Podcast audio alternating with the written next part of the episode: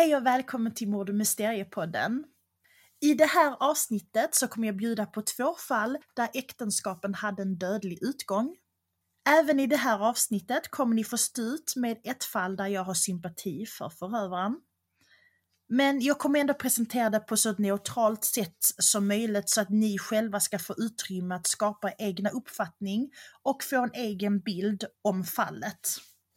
Jag kommer såklart göra likadant med det fallet som jag kommer ta upp nu här först, fast jag inte har sympati för just den här förövaren.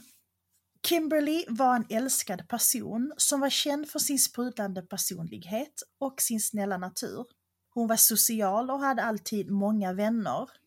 När hon började på Penn State College så längtade hon efter mer än att bara ta emot sitt diplom på studenten. Kim längtade efter en romans och ett förhållande. Enligt en av hennes collegevänner Marine så var det inte så lätt för Kim att hitta något seriöst och hon trodde att detta berodde på att Kim var lite kraftig. Personligen så tror jag inte att det är svårt för någon med en trevlig personlighet och någon som beskrivs som awesome av sina vänner att hitta kärleken, vilken kroppsform det än må ha. Jag kan i så fall köpa att kanske det höll Kim tillbaka, att hon inte vågade ta vissa chanser för att hon dömde sig mer än vad de andra runt omkring henne gjorde. I alla fall, så bestämmer sig hennes vänner för att hoppa in och hjälpa Kim i hennes sökande. Och bland de vännerna var då Maureen bland annat. De presenterar Kim för en kille de känner som också går på Penn State. Han heter Steven Hurico.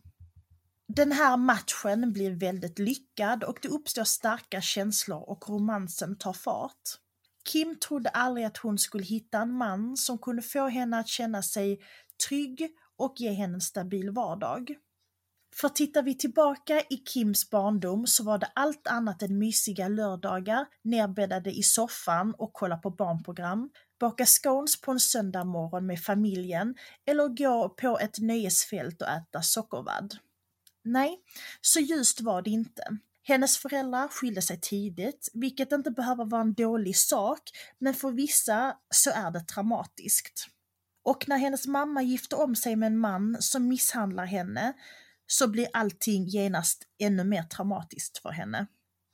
Hennes styvpappa har aldrig blivit åtalad för det Kim senare berättar, så jag kan inte säga att det har hänt eller inte. Men för mig så känns det sant. Om man tittar på hennes beteende senare i fallet så är det mycket som pekar på att hon har mycket trauman från barndomen.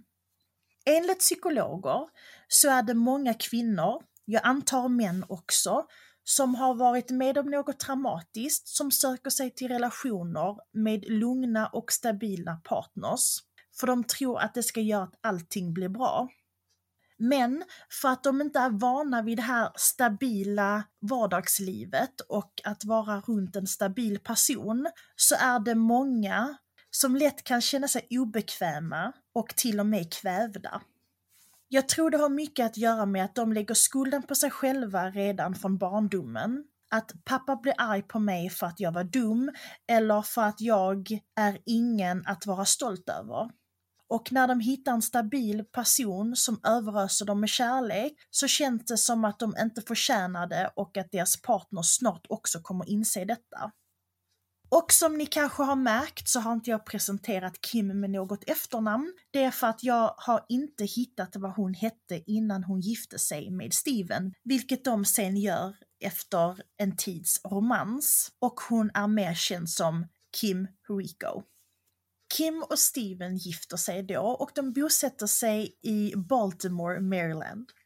Allt flyter på bra och paret får en dotter de döper till Anna. Steven jobbar som landskapsarbetare på en golfklubb och Kim jobbar som operationssjuksköterska. Och på sin fritid så umgås hon med en del av sina tjejkompisar och hon och gänget tycker om att gå ut, gå och shoppa och bara umgås. Efter sju års äktenskap så märker Steven att Kim har ändrats lite och hon har fått nya prioriteringar. Hon har fått en del nya vänner på sjukhuset där hon jobbar och många av dem var kirurger eller andra med lite högre uppsatta positioner som tjänade bättre och de hade råd att köpa nyare bilar och större hus. Kim vill ha allt det här, men Steven han bryr sig inte riktigt om flashiga bilar och stora hus. Han vill jobba sina timmar på golfklubben och komma hem och spendera resten av sin tid med sin familj. Och han är inte alls imponerad av Kims nya vänner på sjukhuset. Han ser VDs och läkare som kommer körandes till golfklubben för att spela och han vill inte vara en del av deras värld. Det blir mer och mer spänt mellan paret som tidigare varit så lyckliga. Kim överraskar Steven med att säga att hon vill skiljas.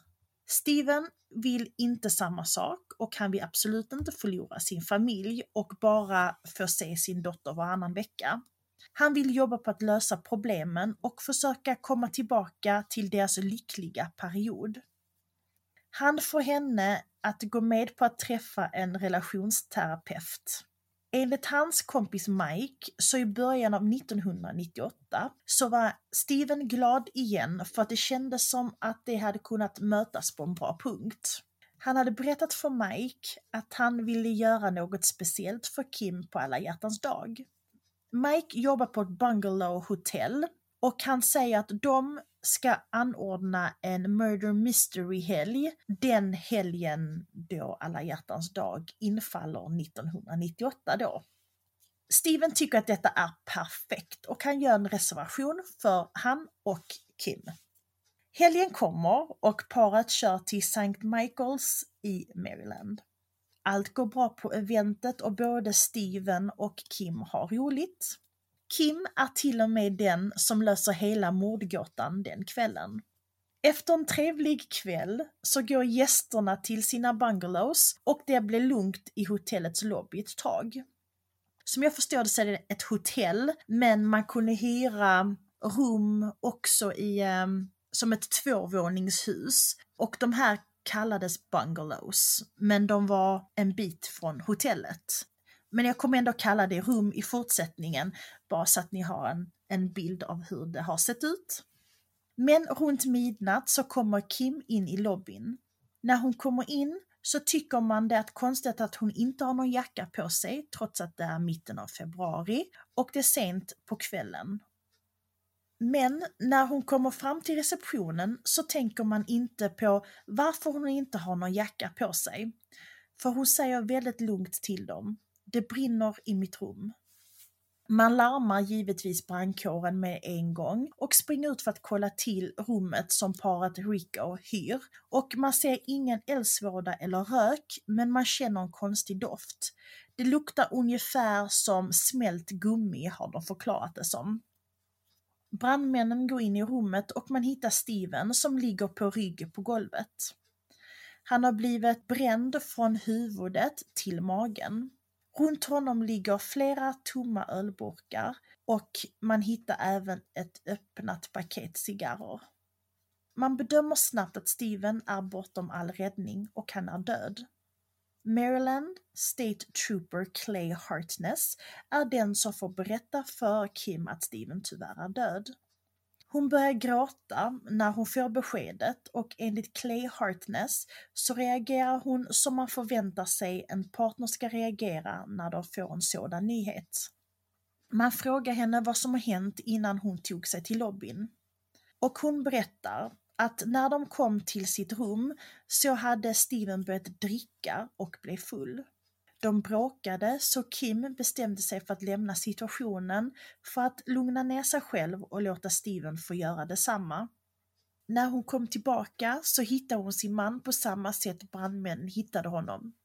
Med Kims version och hur man hittade Steven så verkade det stämma och det ser ut som ett väldigt olyckligt slut på vad som skulle vara en fin romantisk helg.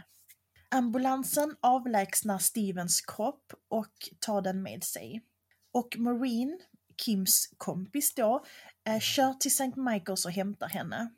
Maureen berättar att när hon kommer för att hämta Kim så var Kim väldigt kall och säger jag vill bara härifrån och jag vill hem. Och enligt Marine så verkar det inte som att Kim var så ledsen eller i chock, utan hon var mer sur eller arg. Och Kim säger ingenting under hela resan hem. Dagen efter olyckan så gör man en rutinobduktion för att fastställa Stevens dödsorsaker som en oaktsam rökningsolycka. Men väldigt snabbt så börjar frågetecknen uppstå. Stevens vän Mike säger att Steven rökte inte. Han tuggade tobak lite då och då, men han har aldrig sett honom i närheten av en cigarr. Enligt det som kände honom så drack han knappt heller. Och det stämmer överens med vad obducenterna hittar. Eller rättare sagt vad de inte hittar. När de kollar Stevens blod så ger det inte utslag på någon alkohol.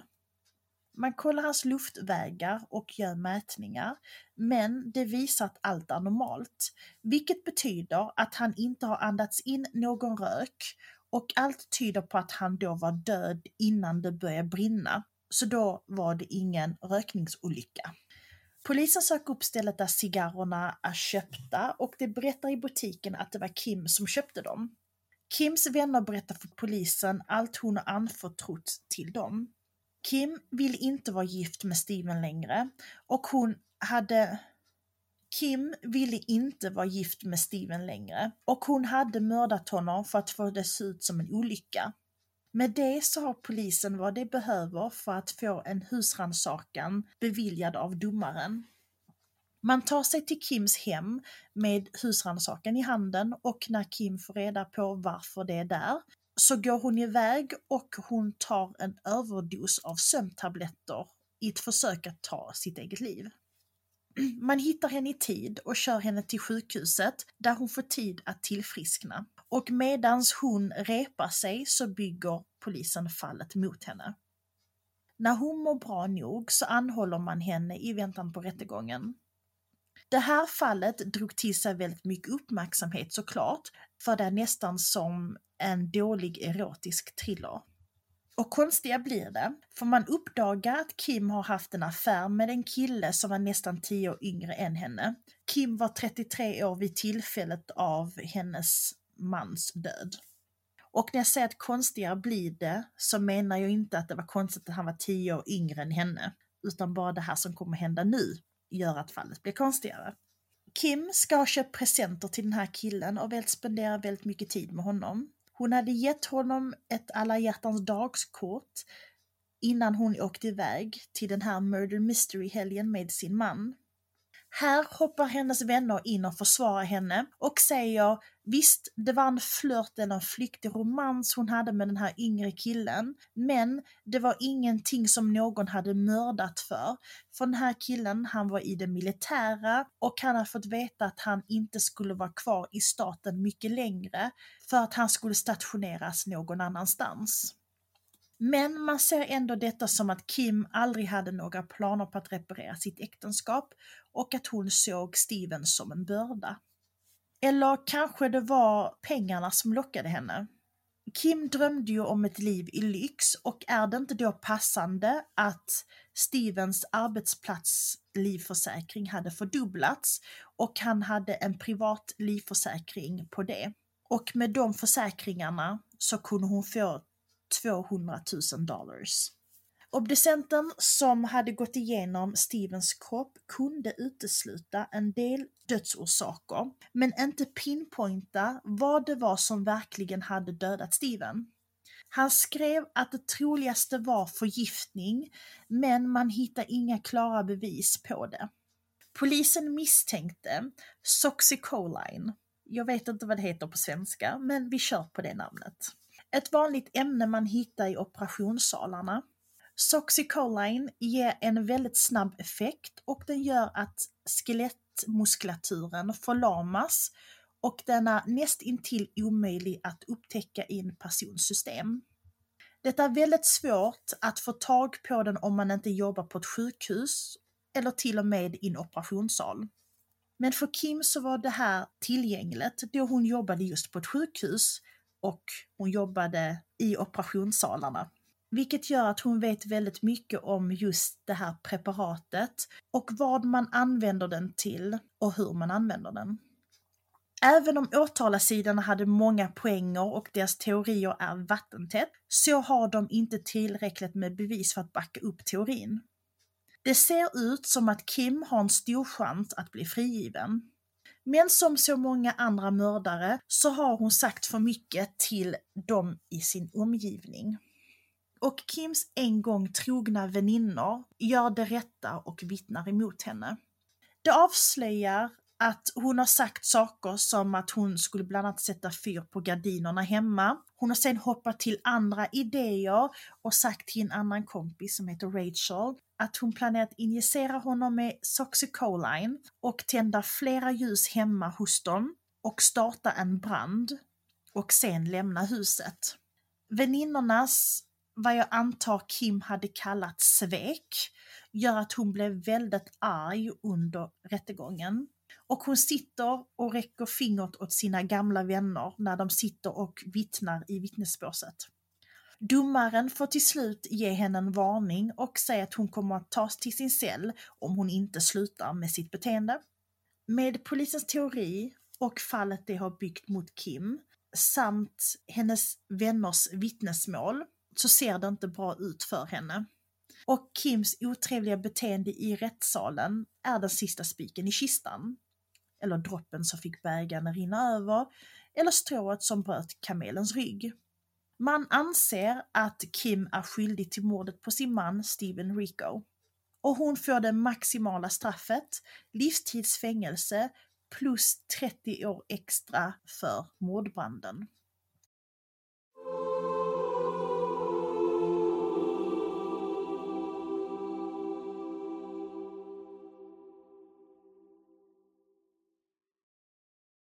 Mitt andra fall har väldigt många likheter med Kim Hariko-fallet, men samtidigt väldigt många olikheter. Likheterna är att det handlar om ett par som en gång var lyckliga, men en söker sig från äktenskapet och döden skiljer dem åt.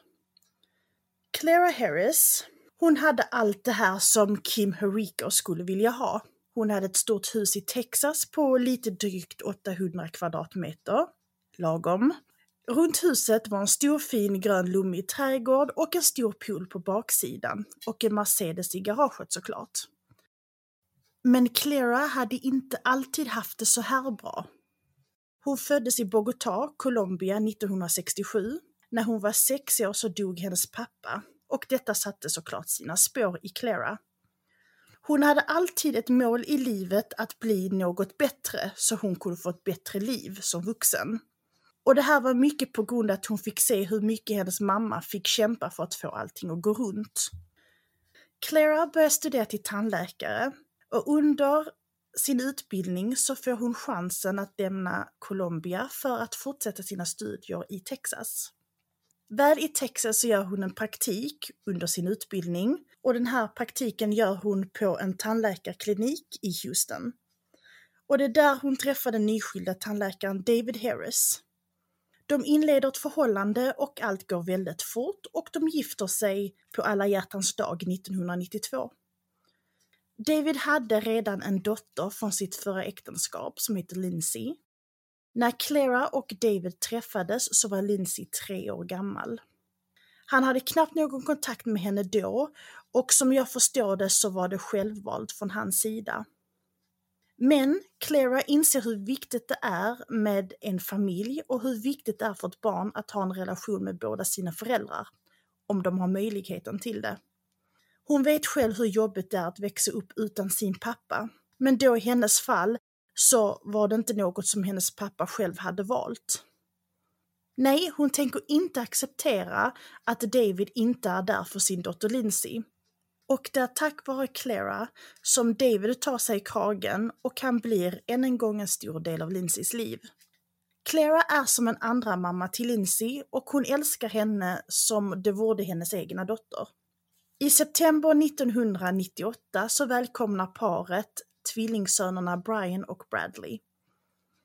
Paret har skapat ett väldigt bekvämt liv för sig själva och sina barn. Både Clara och David har varsin tandläkarklinik som går väldigt bra. Som jag förstår det, så i början när hon kom till USA så var det Davids praktik hon praktiserade på och det var där hon träffade honom. Sen någon gång under deras äktenskap så har Clara också fått chansen att starta sin egen klinik. Och den tog också fart. De bor i det här stora huset som jag nämnde då i början. Och när det är vinter så har de en egen stuga i en skidort i Colorado. Och när det är varmt och de är trötta på att bada i poolen så har de en stuga vid en sjö som de kan åka till och ta en paus. Men under den här perfekta ytan så finns då de här sprickorna som bara blir djupare och djupare. Paret glider ifrån varandra och enligt Claras vänner så jobbade hon väldigt mycket och när hon kom hem så var barnen prio ett. Och David var inte sämre han. Han jobbade också mycket på sin klinik och det blev nog lite lättare att ta sig till jobbet varje morgon när den nya unga receptionisten Gail Bridges började på kliniken. Gail och David flörtade i början, men det hettade snart till. Det började med att de träffade varandra på jobbet, men snart så började de också träffas utanför arbetstid.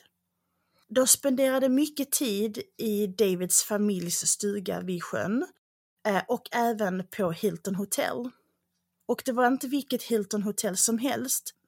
Det var just det Hilton Hotel som låg precis mittemot den båtklubben där David lovade att vara med Clara i nöd och lust.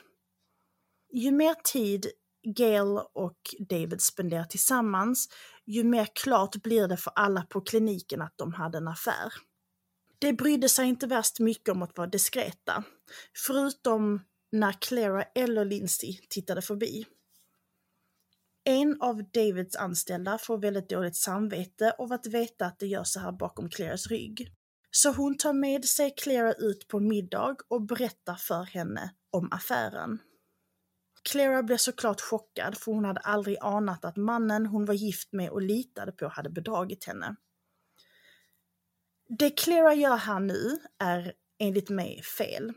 För när hon kommer hem så berättar hon allt det här. Kan tillägga att det var inte Gail som berättar om affären för henne utan var en annan anställd. Men Clara berättar då detta för Lindsay att hennes pappa har varit otrogen. Lindsay var bara 16 år då och jag tycker inte man blandar in en tonåring i vuxnas problem och särskilt inte när det handlar om ens föräldrars äktenskapsproblem. Men det är det Clara väljer att göra och Lindsay som ser Clara som sin andra mamma tar såklart hennes parti. På onsdagsmorgonen den 17 juli 2002 så konfronterar Clara sin man. Och han försöker inte ljuga eller näsla sig ur situationen utan han erkänner affären direkt. Clara vill inte att hennes familj ska splittras och hon har bestämt sig för att göra allting för att få Gail ut ur bilden. Hon säger till David, berätta för mig vad det är du gillar med Gail som inte jag har. David säger, hon har större bröst än dig och hon är smalare än dig. Clara skriver ner allting som David säger att han tycker mer om på Gail än Clara. Clara börjar genast med sin transformation och hon börjar med att bleka sitt hår. Hon bokar även in en konsultation till en plastikklinik då hon vill förstora brösten. Och hon påbörjar en svältdiet så hon tappar 7 kilo. David lovar sin fru att han ska sluta träffa Gail och det verkar som att deras förhållande blir bättre. Men Clara litar fortfarande inte på han fullt ut och hon vill inte ta några chanser. Så hon anlitar Blue Moon Investigations privatdetektiver för hon vill veta med säkerhet att han har brutit med Gail och att hon kan lita på honom igen. Om det var så att David fortfarande var otrogen mot henne så planerade hon att skilja sig från honom. Och i Texas, så enligt lag, skiljer man sig så får man 50-50 av alla tillhörigheterna. Men kan en av parterna bevisa att den andra har varit otrogen och det är därför man skiljer sig, så har den personen som har blivit bedragen rätt till upp till 90% av alla tillgångar. Så jag tror att Clara kände att bedrar han mig fortfarande så kommer jag ta allt jag kan. Blue Moon Investigation ger fallet till en av deras detektiver och han och Clara har en stadig kontakt så att han kan hålla henne uppdaterad. Gail vill ha uppdatering och ringer till privatdeckaren en kväll. Han säger att han spanar på David och Gail på ett hotell och han berättar vilken våning det är på. Han säger till henne att han har koll på dem och han kommer kontakta henne dagen efter för att ge henne en full rapport.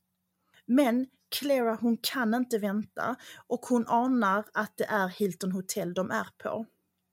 Hon hade gjort så mycket för att rädda sitt äktenskap och allt han behövde göra var att vara trogen mot henne och han kunde inte ens göra det för deras familj.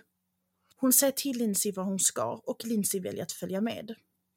Clara kör till Hilton Hotels parkering och där ser hon Gails SUV. Bara att se Gails bil gör Clara ännu mer arg än vad hon har varit innan. Och bara av ren ilska så böjer hon vindrutetorkarna, vilket ska vara otroligt svårt att lyckas med. Men det bevisar också hur arg hon är och hur stark man blir när man är väldigt arg. Hon går in på hotellet och Lindsay följer efter och när det går mot hissarna så ser de David och Gail tillsammans. När Clara ser att David håller om Gail så är det något som brister i henne. Hon springer fram mot dem och försöker attackera Gail, men David lyckas brotta ner henne på golvet. Hotellets vakter hoppar snabbt in och avbryter fighten och de eskorterar Clara ut ur byggnaden. Hon och Lindsay sätter sig i bilen igen. Clara är ännu argare nu än vad hon var innan. Inte nog med att han hade svikit henne, nu hade han tydligen valt en sida och han brottade ner henne, hans fru, ner på golvet för att skydda sin älskarinna. Clara backar ut från parkeringsplatsen och kör mot platsen där Gails bil står parkerad. Hon ser att David har följt Gail till bilen och hon gasar upp med David i sitt sikte. Och han hinner inte reagera snabbt nog för att undvika smällen. Clara kör på honom med hans äldsta dotter gråtandes bredvid henne i bilen. Vid smällen så slungades David cirka 10 meter bort. Och Clara var inte klar med honom än. Hon kör ett varv till och kör på honom två gånger till enligt vittnena. När ambulansen är på plats så vet man inte riktigt vad som har hänt. Man vet bara att David har blivit påkörd. Han avlider lite senare av sina skador. När man kollar igenom hans kropp så ser man att nästan alla hans revben har frakturer, vilket har orsakat en stor inre skada. Polisen tar över och bygger fallet mot Clara. Privatdetektiven hade filmat hela händelsen och det var en viktig del av bevisningen. Jag sa innan att hon såg David och han var hennes måltavla. Men Clara själv säger att hon inte alls menade att köra på David och hon såg inte honom. Utan hennes mål var Gels bil och hon ville köra på den för att förstöra den. Tror jag då på denna storyn? Nej, det gör jag inte. Nu har jag aldrig kört på en människa, men jag har glidit in i baken på en annan bil i cirka 5 km i timmen och bara det var en smäll. Jag tror inte att Claire alls menade att köra full fart in i sidan av en annan bil, som dessutom är en större bil, med Davids dotter med sig i bilen. Jag tror hon var arg och hatisk mot honom för att han hade skyddat sin älskarinna istället för att hålla om henne och lugnat ner henne när det var han som hade gjort fel. Och ska jag vara helt ärlig så var det David som hade skapat det monstret som Clara blev den kvällen. Han fick henne att tro att det gick att fixa deras äktenskap, bara hon blev lite bättre, lite smalare och lite snyggare. Visst, där borde hon insett någonstans att det inte är äkta kärlek om hon måste ändra sitt utseende för att han ska börja älska henne igen. Men man kan alltid vara efterklok. Nu säger jag inte att David förtjänade att dö för det han gjorde, men jag förstår någonstans var hennes ilska och hennes mörka känslor kommer ifrån. Jag tror inte riktigt heller att Clara ljuger när hon säger att hon inte visste att hon körde på honom.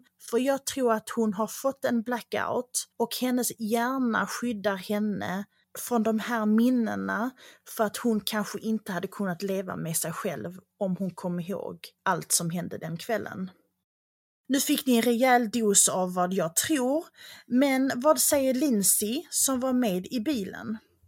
Lindsay var hela tiden på Claras sida fram till att Clara körde över hennes pappa. Hon ville inte att Clara skulle komma undan så hon vittnar mot henne. Och hon säger i could feel us running over my father and I could feel the bump every time we did. Och om Lindsay kunde svenska så hade hon sagt jag kunde känna att vi körde över min pappa och jag kände guppet varje gång vi körde över honom. Lindsays vittnesmål får juryn att se situationen klarare och de anser att Clara är skyldig.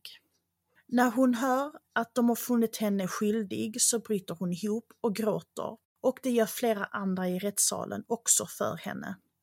Det ironiska är att hon får sin dom den 14 februari 2003, vilket hade varit deras 11-årsdag. Hon får 20 års fängelse men chans till parole tidigast 2013. Jag är själv förvånad över hur jag kunde hitta två fall till ett och samma avsnitt där Alla hjärtans dag har varit allt annat än romantisk. Clara blev frisläppt den 11 maj 2018 och kommer leva i det fria under parole till februari 2023. Vad det innebär är att hon har vissa saker som hon måste fullfölja, som till exempel rapportera till sin parole officer en gång i veckan, inte göra något brottsligt eller umgås med andra som väntar på åtal. Jag tror de här kraven ser olika ut beroende på vilket brott du har begått och vilken stat du bor i. Men det är lite som att leva under fängelsets kontroll ute i det fria. Jag hoppas att ni tyckte att det här fallet, eller de här fallen, var spännande. Jag har inte riktigt bestämt mig för vilket ämne jag ska ha i nästa avsnitt. Jag väljer mellan oskyldigt dömd eller monster till svärmor. Så jag kommer att fråga på Instagram vilket ni helst vill höra, så ni får rösta. Och tills nästa gång så får ni ta hand om er själva och varandra, så hörs vi snart igen. Hejdå!